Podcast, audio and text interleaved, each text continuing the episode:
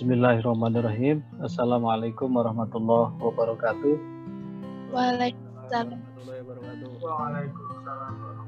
Ya, alhamdulillah siang ini kita dapat bertemu kembali melalui perkuliahan penulisan karya ilmiah ya. Hari ini kita masuk ke pertemuan ke-6 dan kita akan membahas melanjutkan kajian tentang tata cara penulisan karya ilmiah. Kita awali dengan membaca basmalah. Bismillahirrahmanirrahim. Ini bahan kajian kita nomor satu dan dua sudah kita bahas atau saya sudah buat rekaman untuk penjelasannya ya minggu kemarin tentang penyusunan kalimat dan paragraf. Kemudian yang kedua tentang kecermatan kita menggunakan ejaan yang disempurnakan yang sekarang menjadi uh, ejaan bahasa Indonesia dengan berpedoman pada pedoman umum ejaan bahasa Indonesia. Nah, hari ini kita akan coba lihat tiga bagian sisanya, membuat kutipan langsung dan tidak langsung, kemudian membuat daftar pustaka, dan membuat tabel atau gambar atau diagram ya beberapa waktu yang lalu untuk uh, daftar pustaka sebenarnya secara umum pernah kita bahas bersama pada saat kita berlatih menggunakan Mendeley ya. Kemudian sebagai informasi rencana insya Allah nanti tanggal 21 November eh, kita akan melaksanakan pelatihan penggunaan Mendeley untuk peserta penulisan karya ilmiah dan sebenarnya terbuka untuk maksimal uh, ada merchandise sebenarnya 30 paket ya. Ada satu stabilo stabilo tulisan Mendeley. Kemudian yang kedua uh, book sama cukup tebal ya tulisan Mendeley juga. Yang ketiga itu pin ya pin Mendeley warna putih. Nah kalau misalkan nanti pesertanya cukup banyak maka dari ketiga macam itu ya kita bagi saja. Misalnya tiga itu kan masing-masing 30 tuh ya. 30 kali 3 ya ada 90 ya masing-masing ada yang dapat pin stabilo satu lagi ada yang dapat book note. Ya, kalau banyak. Kalau hanya 30 ya kita bagi semua. Gitu ya. Itu nanti tanggal 21 dan saya eh, yang akan nanti melatih bareng-bareng ya menemani teman-teman semua. Dan alhamdulillah jadi kita mengajukan ke Mendeley itu untuk dikirimi merchandise dan kemarin sudah sampai gitu ya. Saya dapat kaos tapi kaosnya kebesaran. Cukup untuk berdua itu ya. Dan itu harus saya laporkan nanti ya, di komunitas uh, advisor Mendeley. Oke jadi itu yang akan kita bahas ya. Uh, banyak hal teknis sebenarnya yang nanti saya tunjukkan beberapa link ya beberapa alamat untuk nanti teman-teman menelusuri melihat sendiri bagaimana terutama ini terutama di penyusunan uh, daftar pustaka ya. Pembuatan daftar pustaka bibliografi atau cara kita mensitasi ya. Oke kita lihat ini yang nomor tiga adalah membuat kutipan langsung dan tidak langsung. Ini uh, mungkin kemarin pada saat menyusun laporan uh, apa namanya PLP 2 itu kan diminta untuk menulis artikel. Nah, untuk menulis artikel ini salah satu yang harus diperhatikan adalah dalam kita mensitasi ya. Mensitasi. Bagaimana mensitasi itu ya? Terutama yang sesuai dengan standar. Nah, kalau kita perhatikan citasi ya, citation adalah penggunaan referensi di teks atau naskah tulisan ilmiah. Jadi ini penting sekali. Salah satu tanda bahwa tulisan itu karya ilmiah adalah adanya sitasi.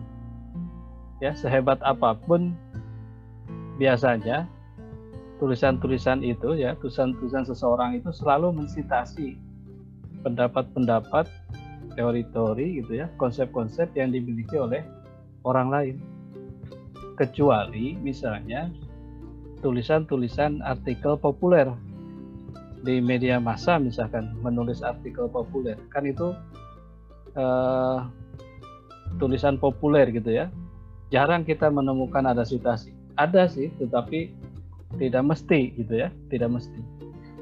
Jadi sekelas guru besar sekalipun kalau menulis karya ilmiah mesti ada proses mensitasi ya nah penulisan citasi ini ya tergantung dari standar atau style penulisan referensi yang digunakan. Ya nanti beda-beda. Ada yang menggunakan seperti dulu kita bahas ada menggunakan APA ya yang biasa digunakan oleh ilmu-ilmu sosial seperti kita. Ada yang menggunakan pola style Harvard, menggunakan pola eh, pola-pola yang lainnya. Dan itu tidak apa namanya tidak menjadi salah. Yang penting adalah konsistensi. Kita menggunakan apa ini? Eh, satu style kita tetapkan dan kemudian kita konsisten dengan style itu. Oke kemudian tahapan pengambilan citasi. Ini di antara tahapan yang perlu diikuti adalah cari dan baca referensi penelitian yang berhubungan dengan masalah yang akan diteliti atau ditulis. Jadi kalau misalkan kita mau menulis tentang uh, sekarang fenomena hoax misalkan gitu ya, mana uh, maka yang tulisan-tulisan yang harus dicari adalah tulisan-tulisan tentang hoax. Ya, apa itu hoax gitu ya? Mengapa ada hoax? Bagaimana hoax bisa berkembang? Bagaimana hoax diatasi dan sebagainya. Kemudian ambil catatan dari apa yang kita baca ikuti aturan umum pengambilan catatan. Artinya mana poin-poin yang bisa kita ambil dari tulisan-tulisan itu ya, yang itu kemudian akan kita citasi. Atur susunan tinjauan pustaka atau referensi dari catatan yang kita ambil dengan baik. Yang terpenting sini nomor tiga, ikuti aturan umum penulisan uh, referensi ya, penulisan referensi yang tadi ya, ikuti saja aturan umumnya menggunakan gaya yang mana. Oke, berikutnya ini beberapa jenis citasi ini, uh, menurut Peace dan Cohen tahun 98. Pertama ada kutipan. Ini yang uh, apa yang biasa kita kenali ya. Kutipan adalah kata-kata yang diambil yang diambil persis sama dengan apa yang dituliskan tanpa perubahan. Ditulis dalam tanda kutip biasanya ya, tanda kutip dua. Kalau itu kita kutipkan langsung dari uh, penulisnya. Tetapi kalau kita kutip dari kutipan orang lain, biasanya ditandai dengan penggunaan tanda petik ya, tanda kutip satu.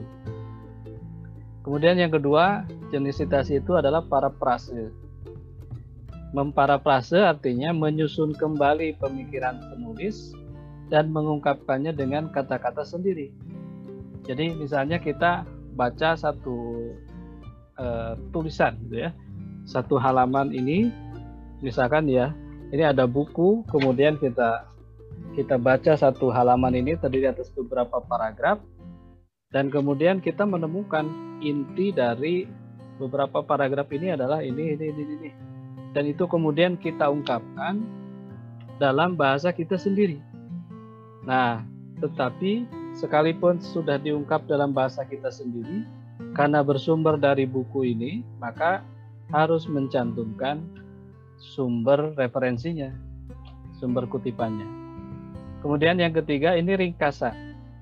Nah, kalau ringkasan tentu kata kunci-kata kunci dari si tulisan ini nanti tetap muncul gitu ya. Beda dengan parafrase. Kalau parafrase kan menggunakan bahasa-bahasa kita sendiri. Kalau ringkasan pada dasarnya sama dengan apa yang dituliskan, hanya dibuat ringkas. Dan yang keempat ada evaluasi. Ini interpretasi dalam bentuk komentar, baik setuju atau tidak dengan menyebutkan alasannya. Jadi ada satu pendapat, misalkan, kemudian kita berkomentar atas pendapat itu, baik setuju atau tidak setuju itu juga bagian dari sitasi, yaitu kelompok evaluasi. Nah, baik. Ini aturan sitasi.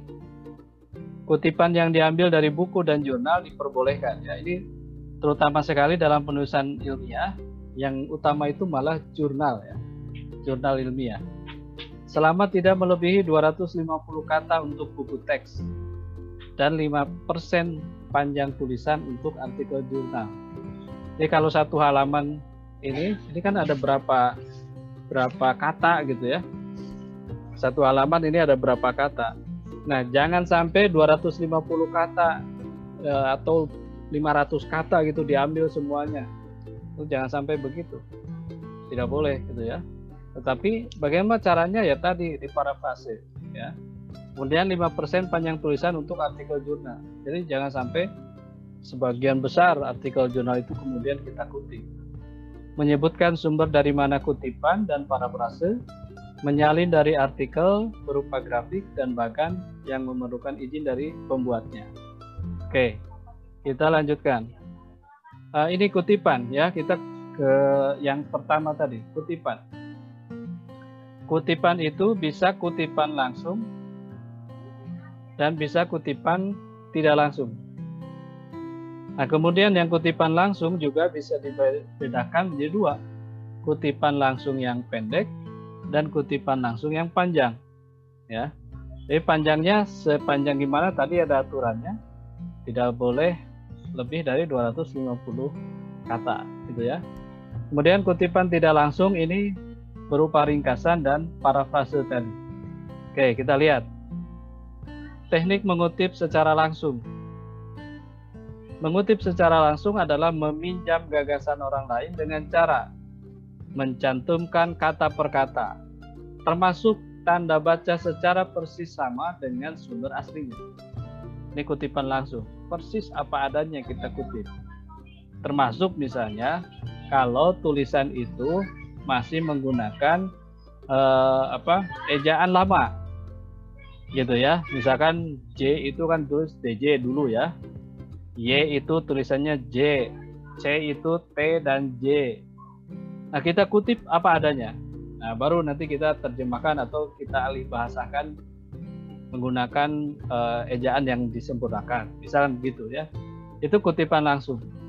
Penulisan kutipan langsung harus merujuk jelas pada nama penulis, siapa yang nulisnya, tahun penulisannya kalau ada, dan halaman sumber.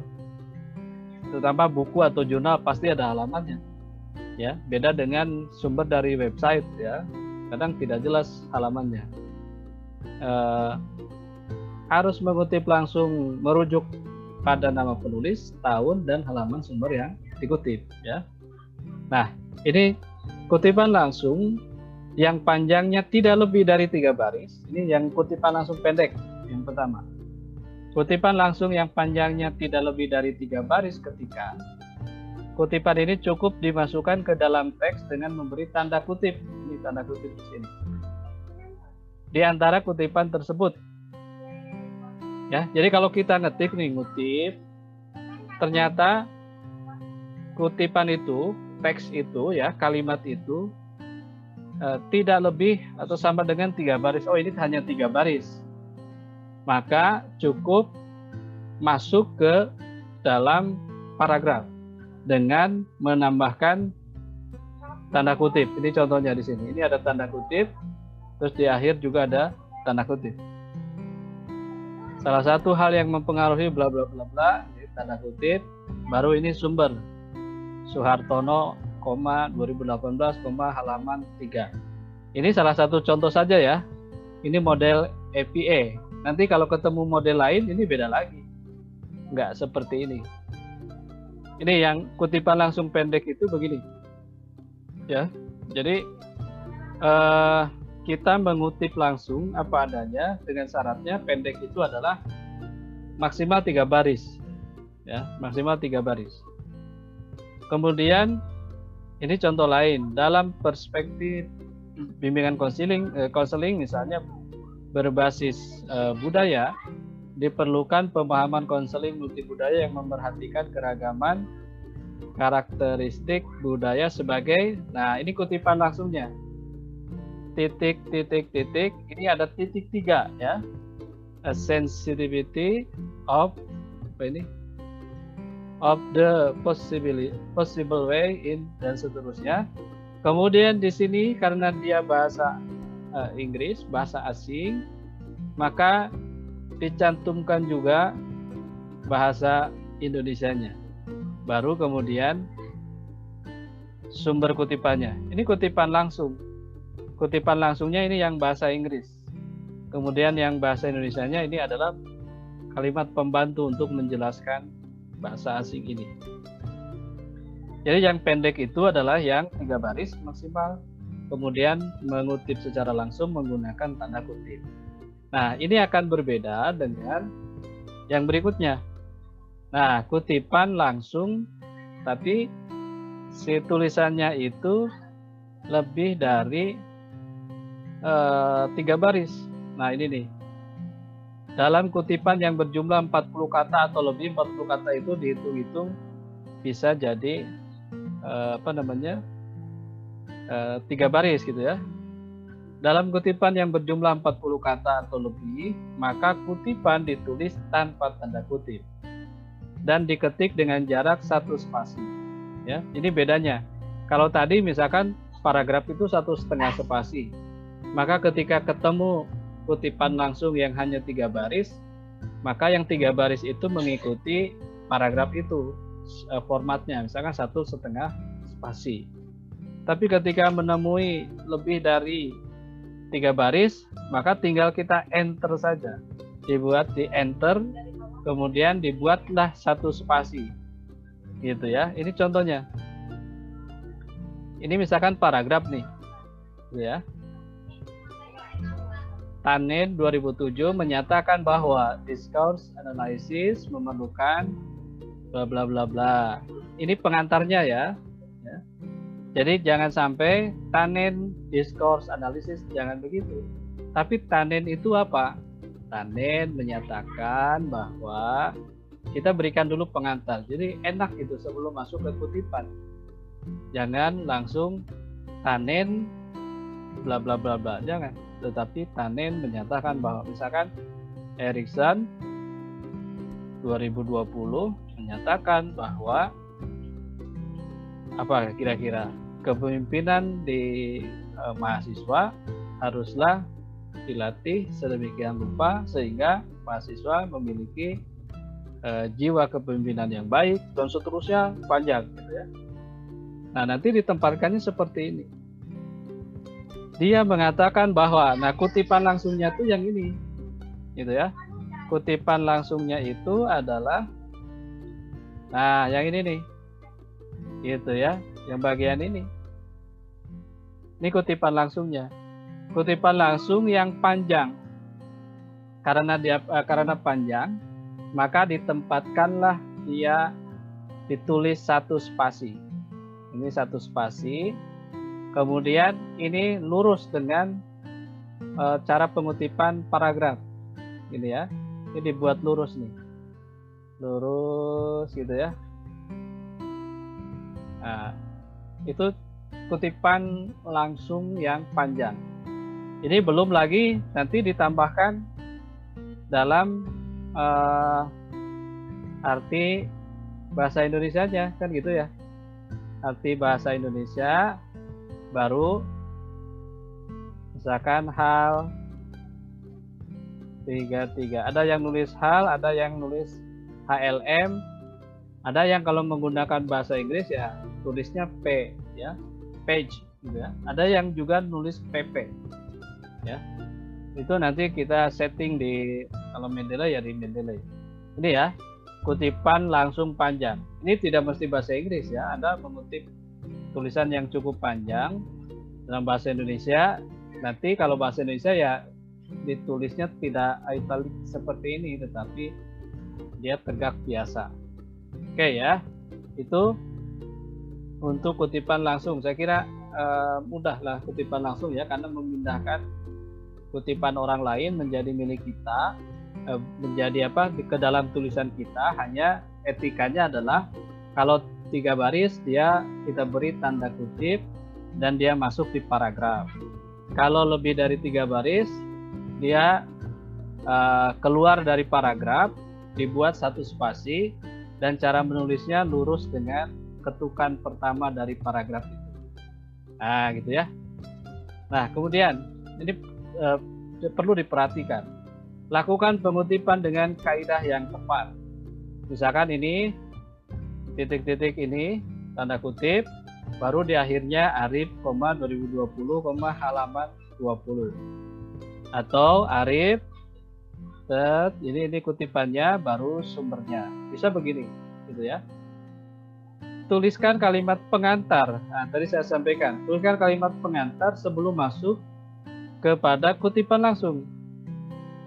Nah sebagaimana dikatakan Arif misalkan nama saya kan ada tiga suku kata.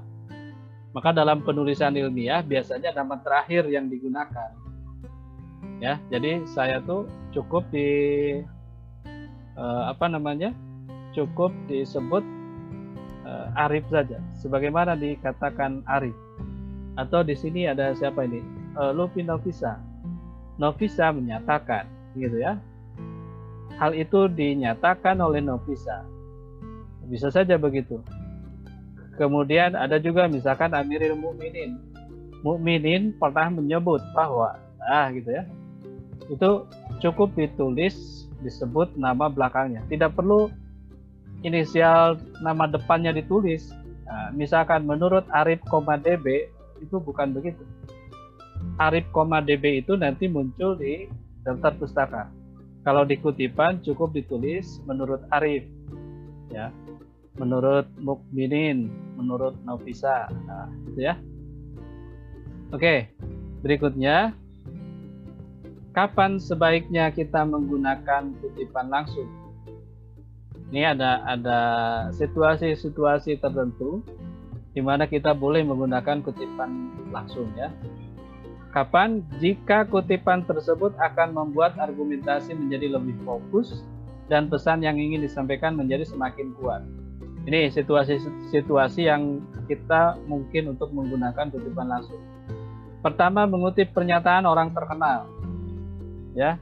Orang terkenal membuat pernyataan nah, kemudian kita kutip ya agar semakin menarik. Untuk menegaskan bahwa pusat hoax nasional itu adalah di istana misalkan kata Rocky Gerung. Tulis itu.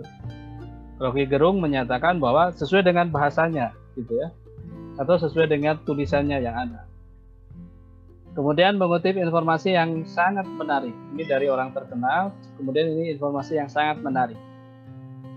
Uh, relevan apabila terdapat penggunaan istilah atau gaya bahasa yang sangat spesifik dengan tetap menggunakan kalimat aslinya, tulisan penulis akan menjadi lebih menarik. Misalnya, uh, apa namanya? Ada pernyataan bahwa uh, kekuasaan itu cenderung disalahgunakan dan kekuasaan yang absolut pasti disalahgunakan. Itu kata Lord Acton ya. Itu kita kutip gitu ya. Karena di sana ada ada pernyataan yang menarik bahwa tends uh, the power tends to corrupt kan gitu ya. Kekuasaan cenderung disalahgunakan dan kekuasaan yang absolut uh, absolut yang mutlak pasti disalahgunakan. Nah, kemudian hendak menegaskan dukungan atau persetujuan, maka kutipan uh, aslinya di kita tuliskan gitu ya. Kemudian kita komentari, kita setuju, mendukung atau sebaliknya. Atau yang ini menekankan perbedaan pendapat, maka dituliskan saja dulu kutipan aslinya. Oke. Kemudian kutipan tidak langsung yang tadi, kutipan tidak langsung itu dalam bentuk ringkasan dan parafrase. Ini artinya meminjam gagasan orang lain untuk mendukung argumentasi yang dibangun. namun dituangkan dengan menggunakan kalimat yang disusun sendiri tanpa mengubah ini ini perhatikan di sini tanpa mengubah substansi gagasan yang dikutip ya dituangkan ini dituangkan dengan menggunakan kalimat yang disusun sendiri tetapi tanpa mengubah substansi gagasan yang dikutip. Itu kutipan tidak langsung. Pada dasarnya mengutip hanya menggunakan bahasa kita sendiri dengan tidak mengubah substansi. Oke, kemudian yang pertama tadi eh, dari kutipan tidak langsung itu adalah summary atau ringkasan. Nah, ini ada contoh. Ya, ini contohnya. Ini kalimat aslinya di sini, ya. Ini kalimat asli. Ini kan cukup panjang. Ini dikutip langsung juga bisa, ya. Kutip langsung bisa dari sini. Tapi kalau misalkan kutipan langsung ini mau kita ubah, maka ini bisa saja kita ringkas, ya. Eh, tulisan-tulisan ini kita ringkas Mengingat kondisi remaja pada masa kini yang mudah berubah-ubah, ditambah dengan rasa ingin tahu yang besar, sehingga mendorong mereka untuk melakukan tindakan coba-coba. Di sini ada, jadi hanya tiga baris saja, hanya tiga baris saja. Tapi ini isinya, ya, yang ini tuh isinya tidak boleh bertentangan atau tidak boleh keluar dari kalimat yang kita ringkas ini. Substansinya tetap sama. Dan tetap menuliskan sumber kutipan. Nah, hanya yang berbeda karena sudah diringkas, maka di sini ini kok tidak muncul ininya ya. Halamannya ini tidak muncul. Oke, gitu ya. Kemudian ini langkah-langkah merumuskan ringkasan ya. Nanti bisa teman-teman uh, sendiri ya. Di sini ada untuk menuliskan ringkasan itu baca dan pahami materi, kemudian tutup buku atau artikel asli ya. Tutup. Kalau nggak ditutup, kita tuh nanti terpengaruh oleh gaya tulisan yang kita baca, akhirnya tetap saja mengikuti. Nah, harus ditutup. Nah, kemudian ini tipsnya, tuliskan beberapa kata kunci yang akan kita ringkas. Kata kuncinya yang harus ditampilkan. Ya.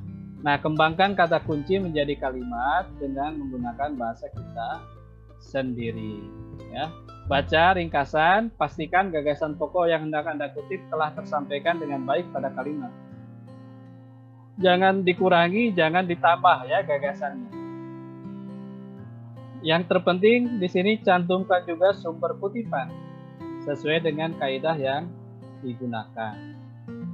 Oke, nah kemudian yang kedua parafrase. Tadi ringkasannya, meringkas. Meringkas berbeda dengan parafrase. Parafrase ini penggabungan gagasan orang lain ke dalam suatu karya dengan kalimat sendiri. Ini penggabungan. Ke dalam kalimat sendiri tanpa harus mengidentifikasi kata kunci. Kalau tadi di ringkasan ada kata-kata kunci, Nah, kalau di parafrase tidak mesti ada kata-kata kunci.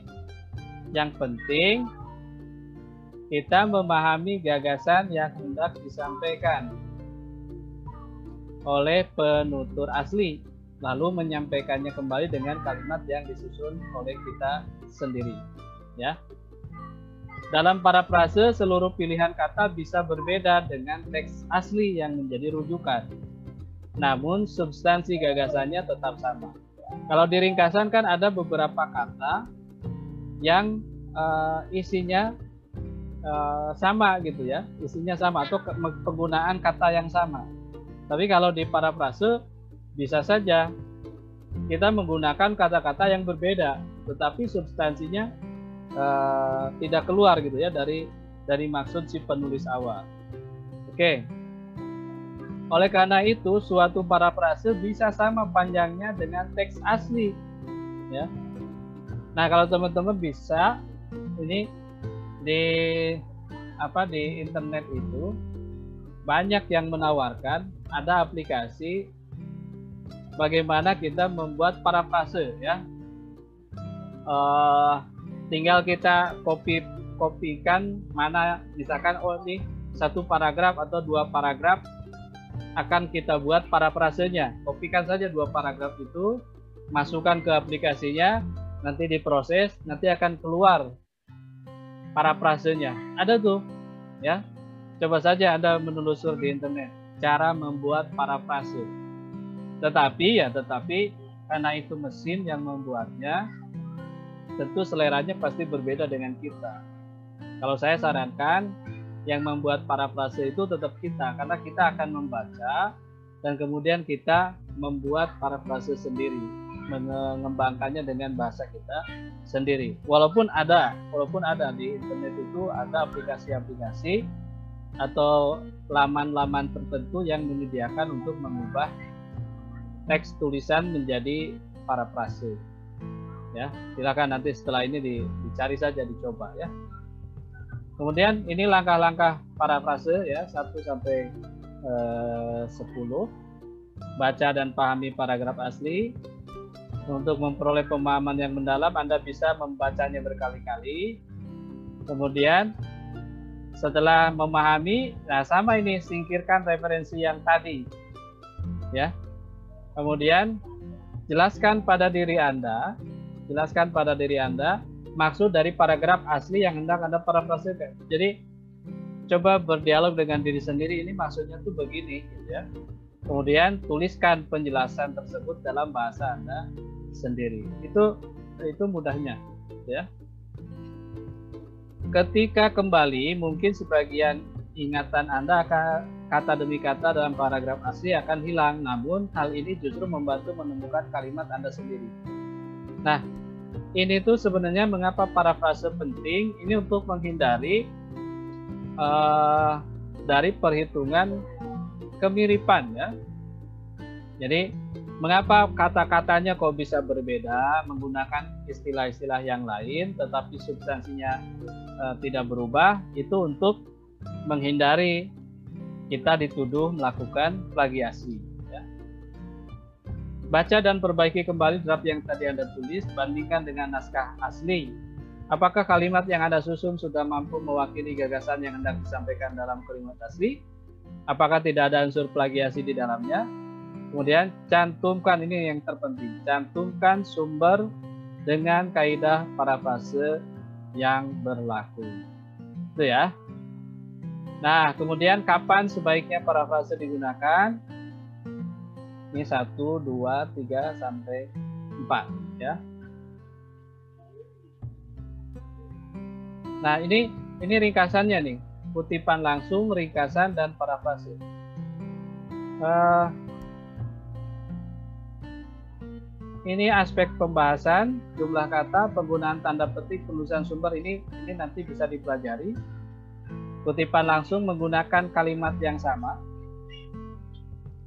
Ya kemudian kalau ringkasan mengulangi intisari gagasan. Kalau para prase menjelaskan ya ini mengulangi. Ini menjelaskan intisari gagasan. Jumlah katanya di kutipan langsung sama persis. Di ringkasan lebih sedikit, di parafrase bisa sama banyak atau lebih banyak daripada rujukan aslinya. Penggunaan tanda petik diletakkan dalam tanda petik. Kalau ini nih di sini kutipan langsung. Kalau ringkasan tidak menggunakan parafrase juga tidak menggunakan tanda petik. Ya. Penulisan sumber nama, tahun, halaman ini lengkap. Ya, misalkan ini Paijo tahun, halaman. Kemudian kalau ringkasan bisa lebih dari satu halaman, Paijo 2010 halaman 34 sampai 39 yang kita ringkas gitu ya. Kemudian para prase nama dan tahun dan tidak perlu halaman. Cukup Paijo 2010 gitu ya. Nah, yang berikutnya adalah uh, membuat daftar pustaka ini ya. Nah, membuat daftar pustaka kalau menggunakan Mendeley ya kita nggak pusing-pusing ya asal metadatanya sudah benar kemudian memasukkannya sesuai dengan uh, jenis sumbernya maka nanti sudah otomatis menjadi daftar pustaka yang bagus tapi kalau misalkan kita membuat manual maka perlu diperhatikan uh, beberapa bagian. Nah saya berikan contoh di sini atau sumber dari Nah, bagaimana kita menggunakan APA yang edisi ketujuh ya. Gaya yang ketujuh ini APA Seven Style ya. Apa APA itu? Asosiasi Psikologi Amerika ya dalam bahasa Indonesia-nya Asosiasi Psikologi Amerika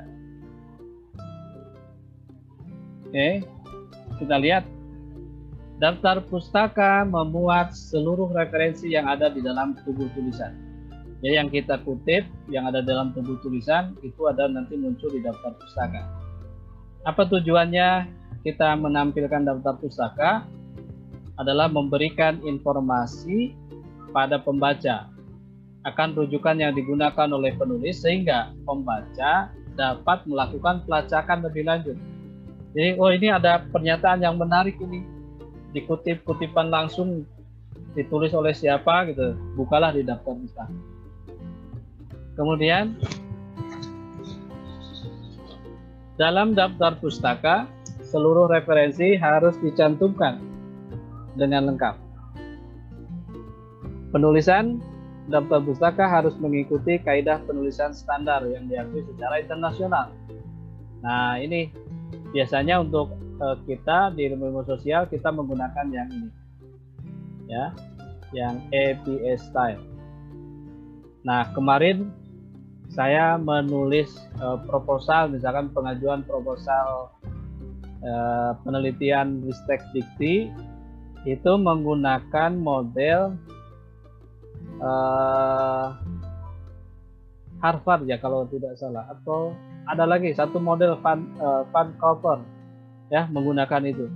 Jadi di tubuh tulisannya itu hanya ada menurut uh, dik-dik misalkan itu dalam kurungnya itu bukan tahun halaman tetapi nomor saja nomor misalkan menurut ya, menurut Arif satu sementara itu uh, Novisa dua sedangkan mukminin tiga. Nah satu dua tiga itu nanti muncul di daftar pustaka satu ini dua ini tiga ini.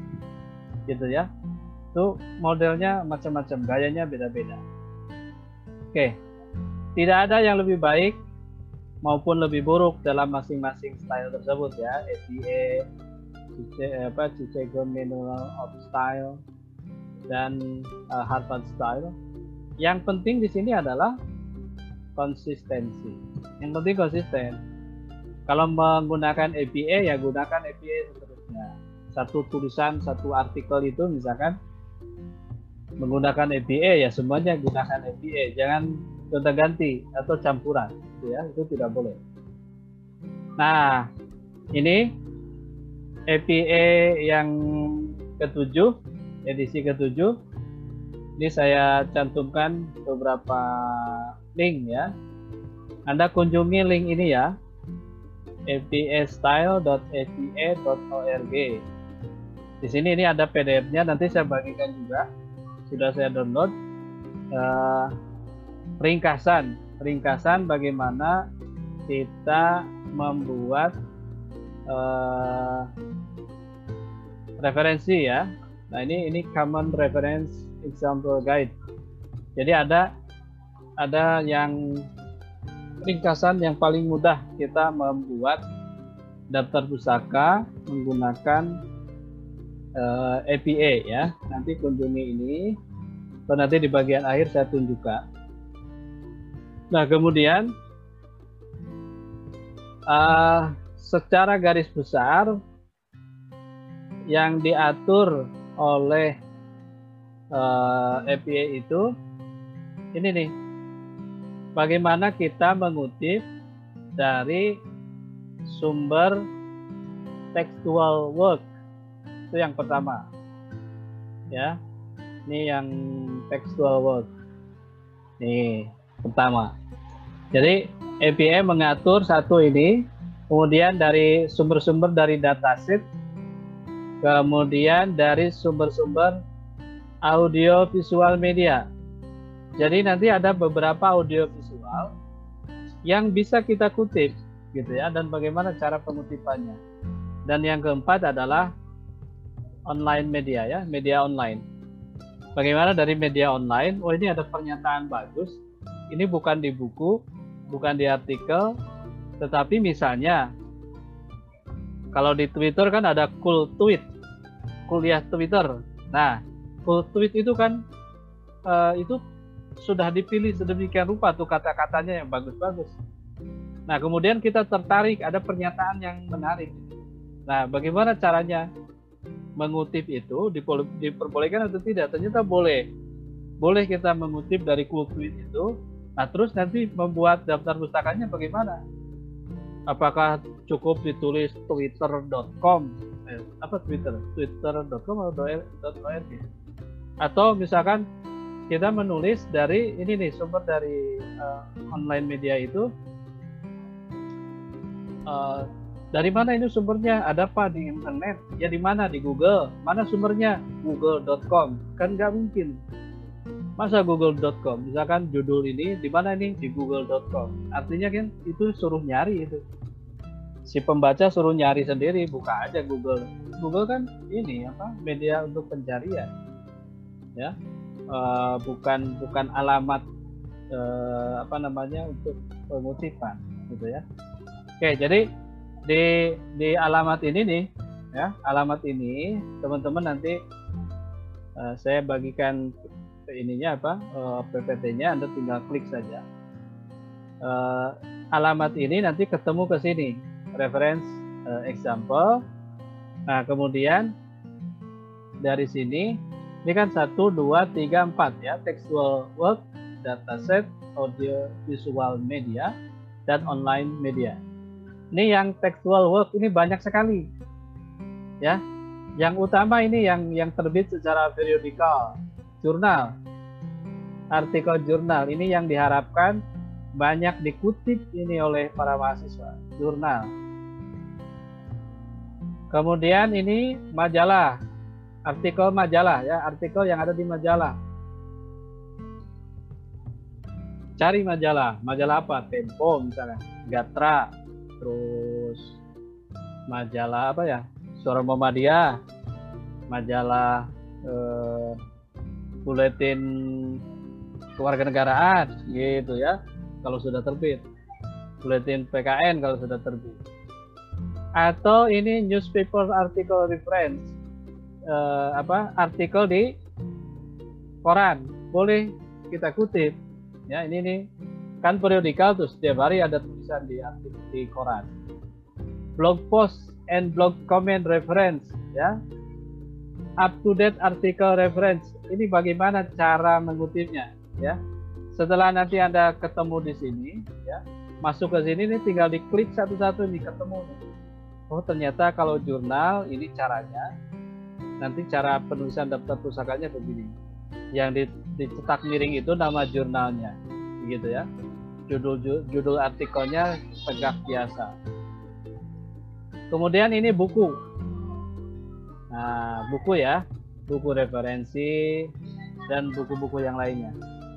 Kemudian ini edited book chapter kalau buku itu ditulis oleh Eh, bareng-bareng ya. Misalkan saya menulis buku, saya editornya, tapi yang di dalam itu penulisnya ada saya, ada Batista, Bu Sipa, Bumar, dan seterusnya. Ya, banyak yang menulis. Saya hanya editor saja. Gimana nanti cara pengutipannya? Ya. Kemudian dictionary, ya ini apa dictionary? Kamus ya. Kemudian ini Wikipedia. Nah, Wikipedia boleh diikuti.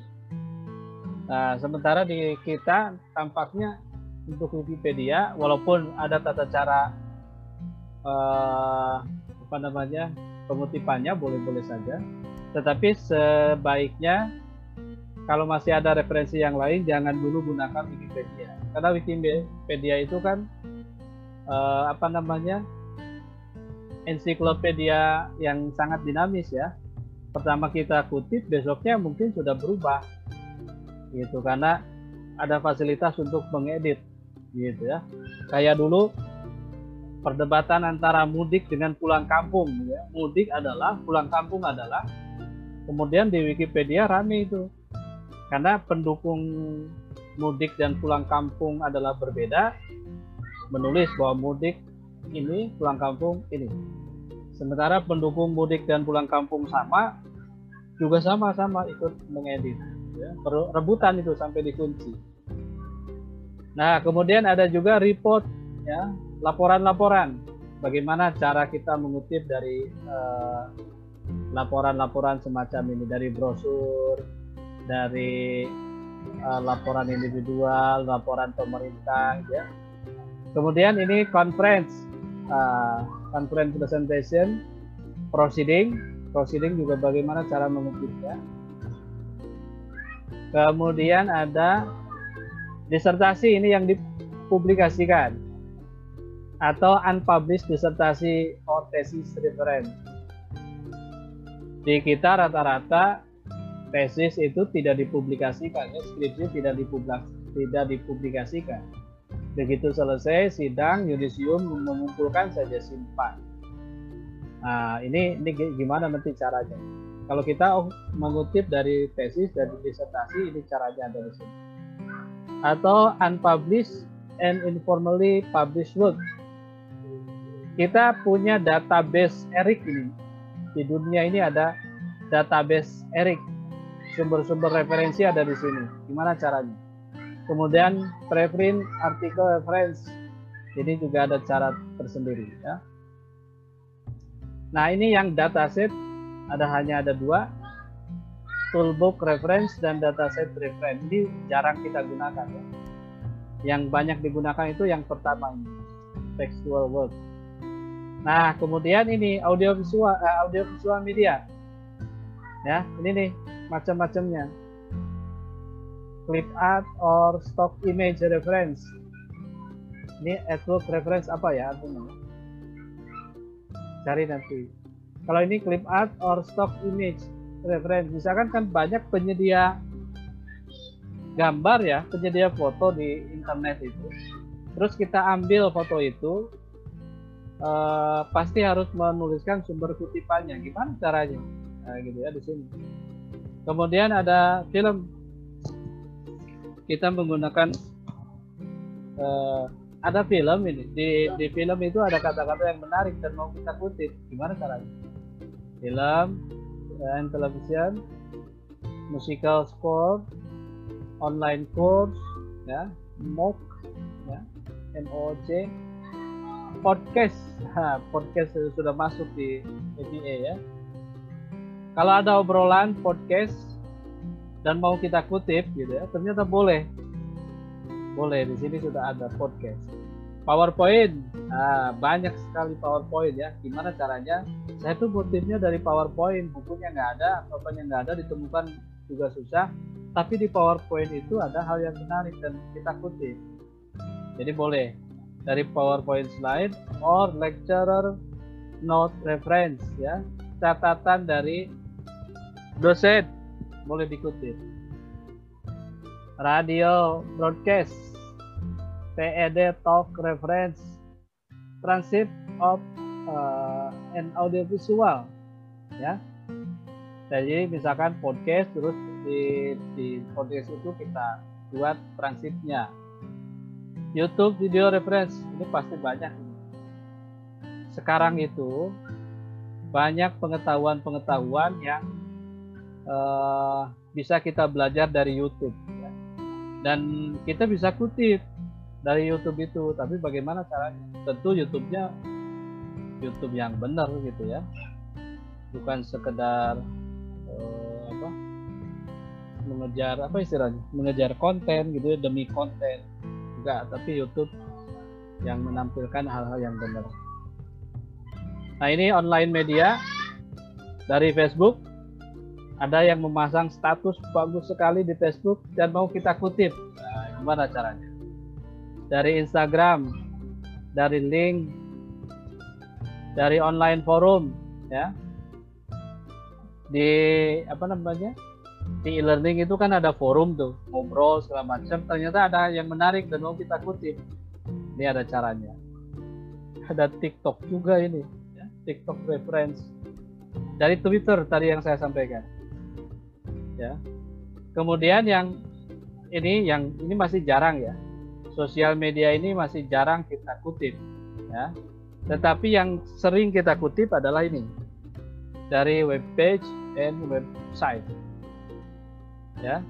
Ini sering ada artikel disimpan di uh, website ya. Kemudian ada sumber-sumber pendidikan terbuka di website ya uh, atau ada uh, sumber-sumber uh, referensi umum yang disimpan di website. Termasuk ini praktek uh, clinical reference. Jadi ada teknik-teknik tertentu tips-tips tertentu yang disimpan di website dan uh, bagaimana cara kita mengutipnya oke itu uh, kita bisa berkunjung ke websitenya langsung di uh, eh, APA ini ya apastyle.apa.org dan nanti kita akan menemukan banyak uh, informasi bagaimana cara uh, melakukan citasi ya dan menyusun daftar pustaka. Oke, kemudian membuat tabel dan gambar ini juga sama ya. Tabel atau gambar ini saya berikan contoh uh, menggunakan style FEA. Ini contoh dari FEA ya. Kalau kita membuat tabel, kalau kita mau konsisten dengan FEA, inilah contohnya. Cara membuat judul tabel ini judul tabel. Ini tabelnya ditulis begini di atas. Kemudian ini judul tabelnya. Ya. Tabel 2 judul tabelnya ditulis cetak miring. Ini nih, ini penjelasan lebih lanjut. Ini tabel number, tabel title, ya. Terus ini isiannya ini. Nah, di sini ada note, ada catatan. Jadi tidak hanya berhenti di tabel. Ya, seperti pada tabel berikut titik gitu ya. Tapi perlu ada catatan this table ya demonstrate the element of a prototypical table. I general note to a table dan sebagainya. Gitu ya. Jadi tidak selesai hanya di tabel sampai sini saja. Tapi di bawahnya ada uraian. Uraian ini adalah uraian menjelaskan tabel di atas. Gitu ya ini ini modelnya nih model tabel terbuka ini hanya tertutupnya itu garis atas garis bawah kemudian garis untuk uh, judul uh, subjudul di tabel. Tidak ada garis ini nih kan biasa kita gunakan tabel tuh begini ya. Ini tertutup jadi betul-betul kaku sekali tertutup ini juga tertutup. Biasanya kalau orang-orang sosial tabelnya itu tabel terbuka. Kenapa tabel terbuka? Karena isi dari tabel itu masih sangat mungkin untuk berubah itu itu filosofinya. Kalau seperti ini, ini tabel tertutup banget seperti ini biasanya dipakai oleh orang-orang eksak. Nah, gitu ya. Sudah digaris begitu, ini juga digaris lagi. Nah, ini tabelnya orang-orang eksak biasanya. Kalau orang-orang sosial bahkan si tabel apa garis atasnya itu hilang gitu ya. Garis bawah hilang hanya yang ini saja di garis ini. Yang ada itu hanya garis ini. Biasanya ya. Tapi ini kita boleh mengikuti model FPA. Dan di fakultas kita kan sedang mengedit pedoman penulisan skripsi ya Ya, salah satunya pengaturan tentang tabel. Bagaimana tabel harus dibuat. Kemudian ini gambar ya atau picture atau ini ini bagaimana angka dari tabel tadi. Ini kan tabel ini berisi angka. Bagaimana kalau dibuat gambar? Nah, gambar seperti ini. Judul gambarnya juga di atas. Hampir sama dengan tabel. Tabel 1, tabel 2 ini picture 1 dan seterusnya. Dan di sini tetap ada catatan. Ya, catatan apa? Ini selain judul ini juga catatan.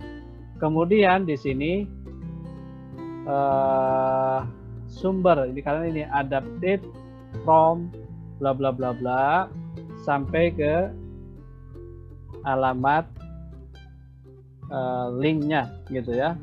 Alamat website tetapi bandingkan ini nih bandingkan ini yang biasa kita gunakan nih di kita ya tabel itu ditulis tengah. Tabel 1.1 itu untuk judul tabel. Kemudian judulnya di bawahnya lagi. Ya, kalau tadi kan ditulis di sini rata kiri, terus judul tabelnya ditulis miring. Ini tabel, bagian ini tabel. Nah, yang ini adalah gambar. Untuk penulisan gambar uh, judul gambarnya ditulis di bawah. Beda dengan picture tadi ya. Tulis di bawah di sini. Ya. Dan ini sepertinya yang masih berlaku di kita. Sebenarnya tidak jadi masalah dimodifikasi ya sepanjang masih konsisten menggunakan satu gaya, satu style ya.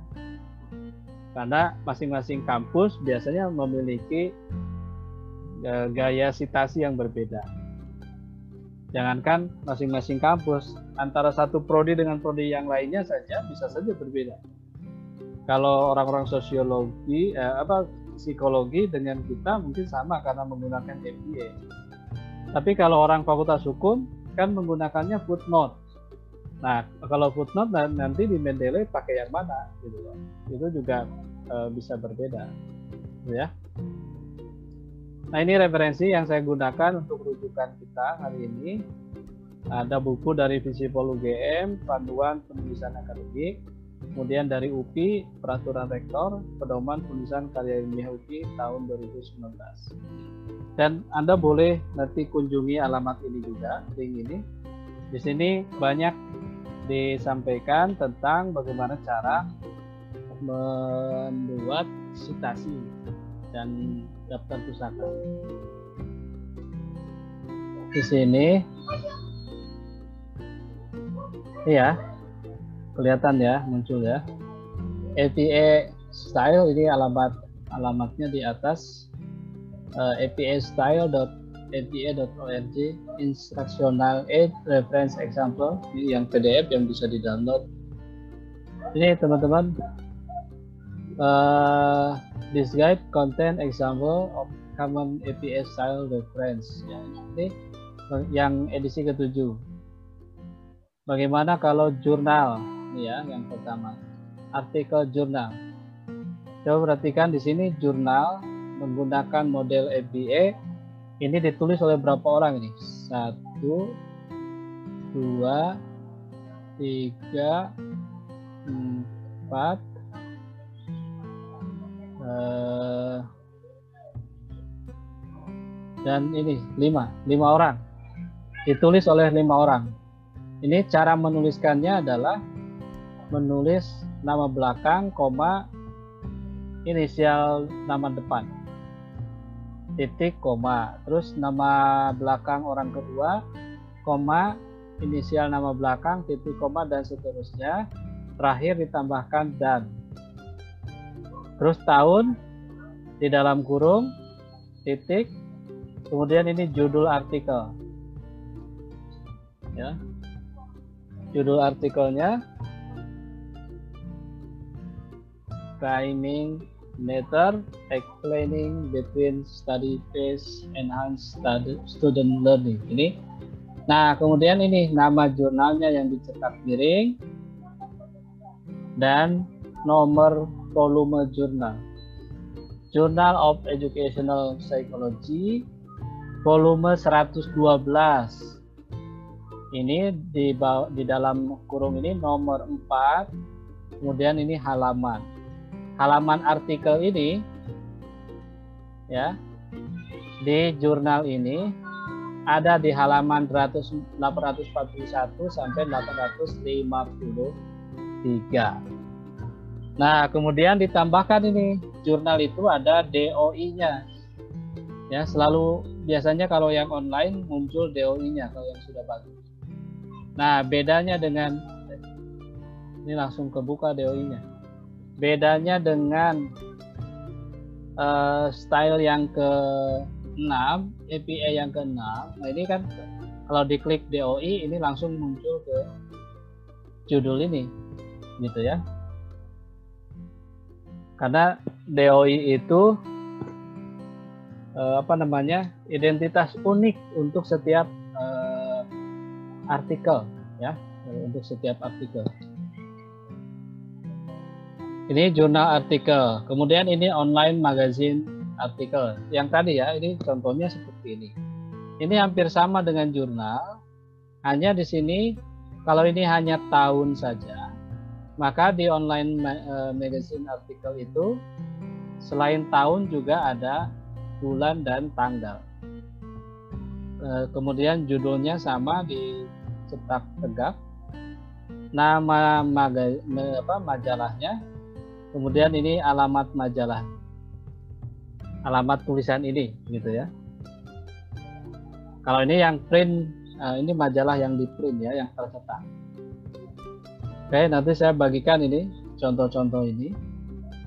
Ada juga selain ini kalau kalau blog ini buku. Nah, kalau buku beda dengan jurnal. Judul bukunya yang dicetak miring. Oh, ini ini kurang ini. Harusnya sampai sini tuh dicetak miring. Mental training for athlete and coach gitu ya. Sampai sini harusnya. Nah, kemudian ini ini penerbitnya. APA itu penerbitnya. Karena ini buku ya. Kemudian ini edited book chapter. Ini penulisnya, kemudian ini judul tulisannya di buku itu, kemudian inilah nama editornya. In dalam ya, In C. Michael, ini sebagai editor. Kemudian ini judul bukunya. Ya. Kemudian ini halaman judul artikel ini ya ada di mana. Nah, kemudian ini nama penerbitnya. Oke, ini saya kira contoh-contoh ini perlu kita coba, perlu kita latih. Mudahnya ya menggunakan Mendeley atau Zotero atau ada lagi kita bisa menggunakan di apa di Word itu ya di Office itu di reference itu juga bisa kita gunakan. Ini contoh satu yang kita ambil langsung dari APA. Nah, kemudian ada contoh lain. Nah, ini dari list eh, apa link yang tadi ya. Ini kalau buku dan ebook with DOI. Di dalam teks itu cara nulisnya begini kalau ditempatkan di belakang, di belakang kutipan, maka ditulisnya begini. Tapi kalau ditempatkan di depan, namanya dikeluarkan, ininya tahunnya yang di dalam kurung. Ya, ini yang di atas tuh sumber eh, kutipan itu ditempatkan setelah kutipan. Kalau yang di bawahnya sumber kutipan mendahului kutipan. Gitu ya. Kemudian nanti di daftar pustakanya akan nah, apa akan seperti ini. Ini. Contoh-contohnya ya. Ini dari sumber yang lain tetapi ininya sama. APA 7 style ya. Oke. Sampai ke bagaimana cara uh, ini author of a chapter in an edited book ya. Bagaimana caranya? Ini sama tadi yang buku yang ditulis bersama-sama. Satu lagi ini. Nah ini tabel dan picture tadi. Ini kan tabel begini. Contohnya ini judul tabel. Eh, ini nomor tabel. Kemudian ini judul tabel. Dan ini tabelnya Dan di sini apa yang bagusnya karena ada di dalam teks kita nulisnya begini. Gitu ya. Nah, ini catatannya tetap sama ada. Kemudian in text kita tulis begini. Ya, ini eh, alternatif lain cara menulis. Eh, apa namanya? Menjadikannya di sumber pustaka akan akan jadi seperti ini. Karena ini kita ngutip dari tabel, maka di sini akan muncul tabel. Oke, ini grafik ini ya. Ini contoh picture dalam bentuk grafik. Oke, ini nanti saya bagikan. Oke, kemudian yang tadi lebih lengkapnya ya ini nih. Nah kita buka yang ini kan tadi.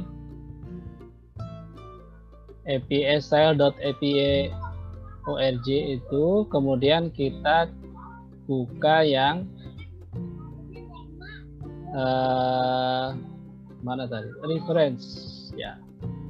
Reference betul ya reference example. Ah, yang tadi teks textual work dataset kita tinggal klik saja nih. Misalkan kita mau ngutip dari buku, bagaimana caranya? Tinggal klik book, book reference.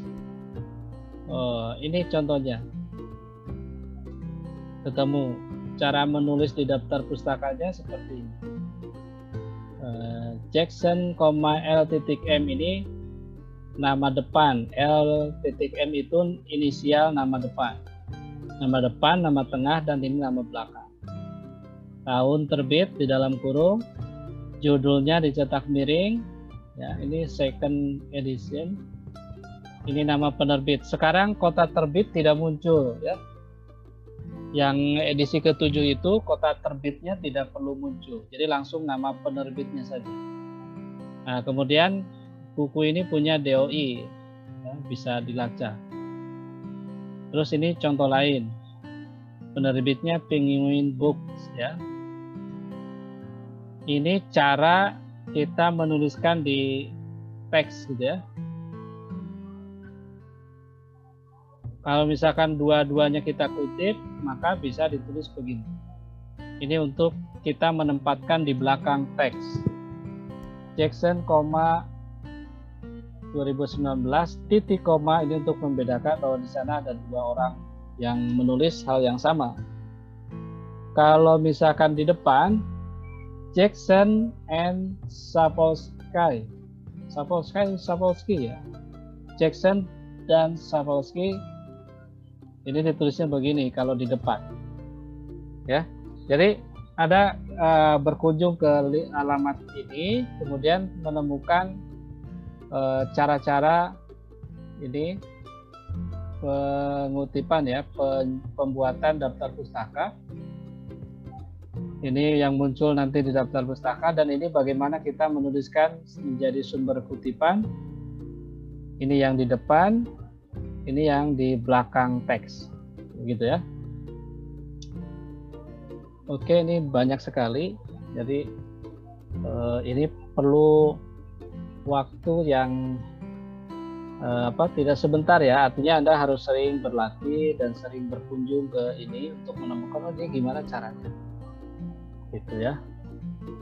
Oke, kita akhiri pertemuan ini dengan membaca hamdalah.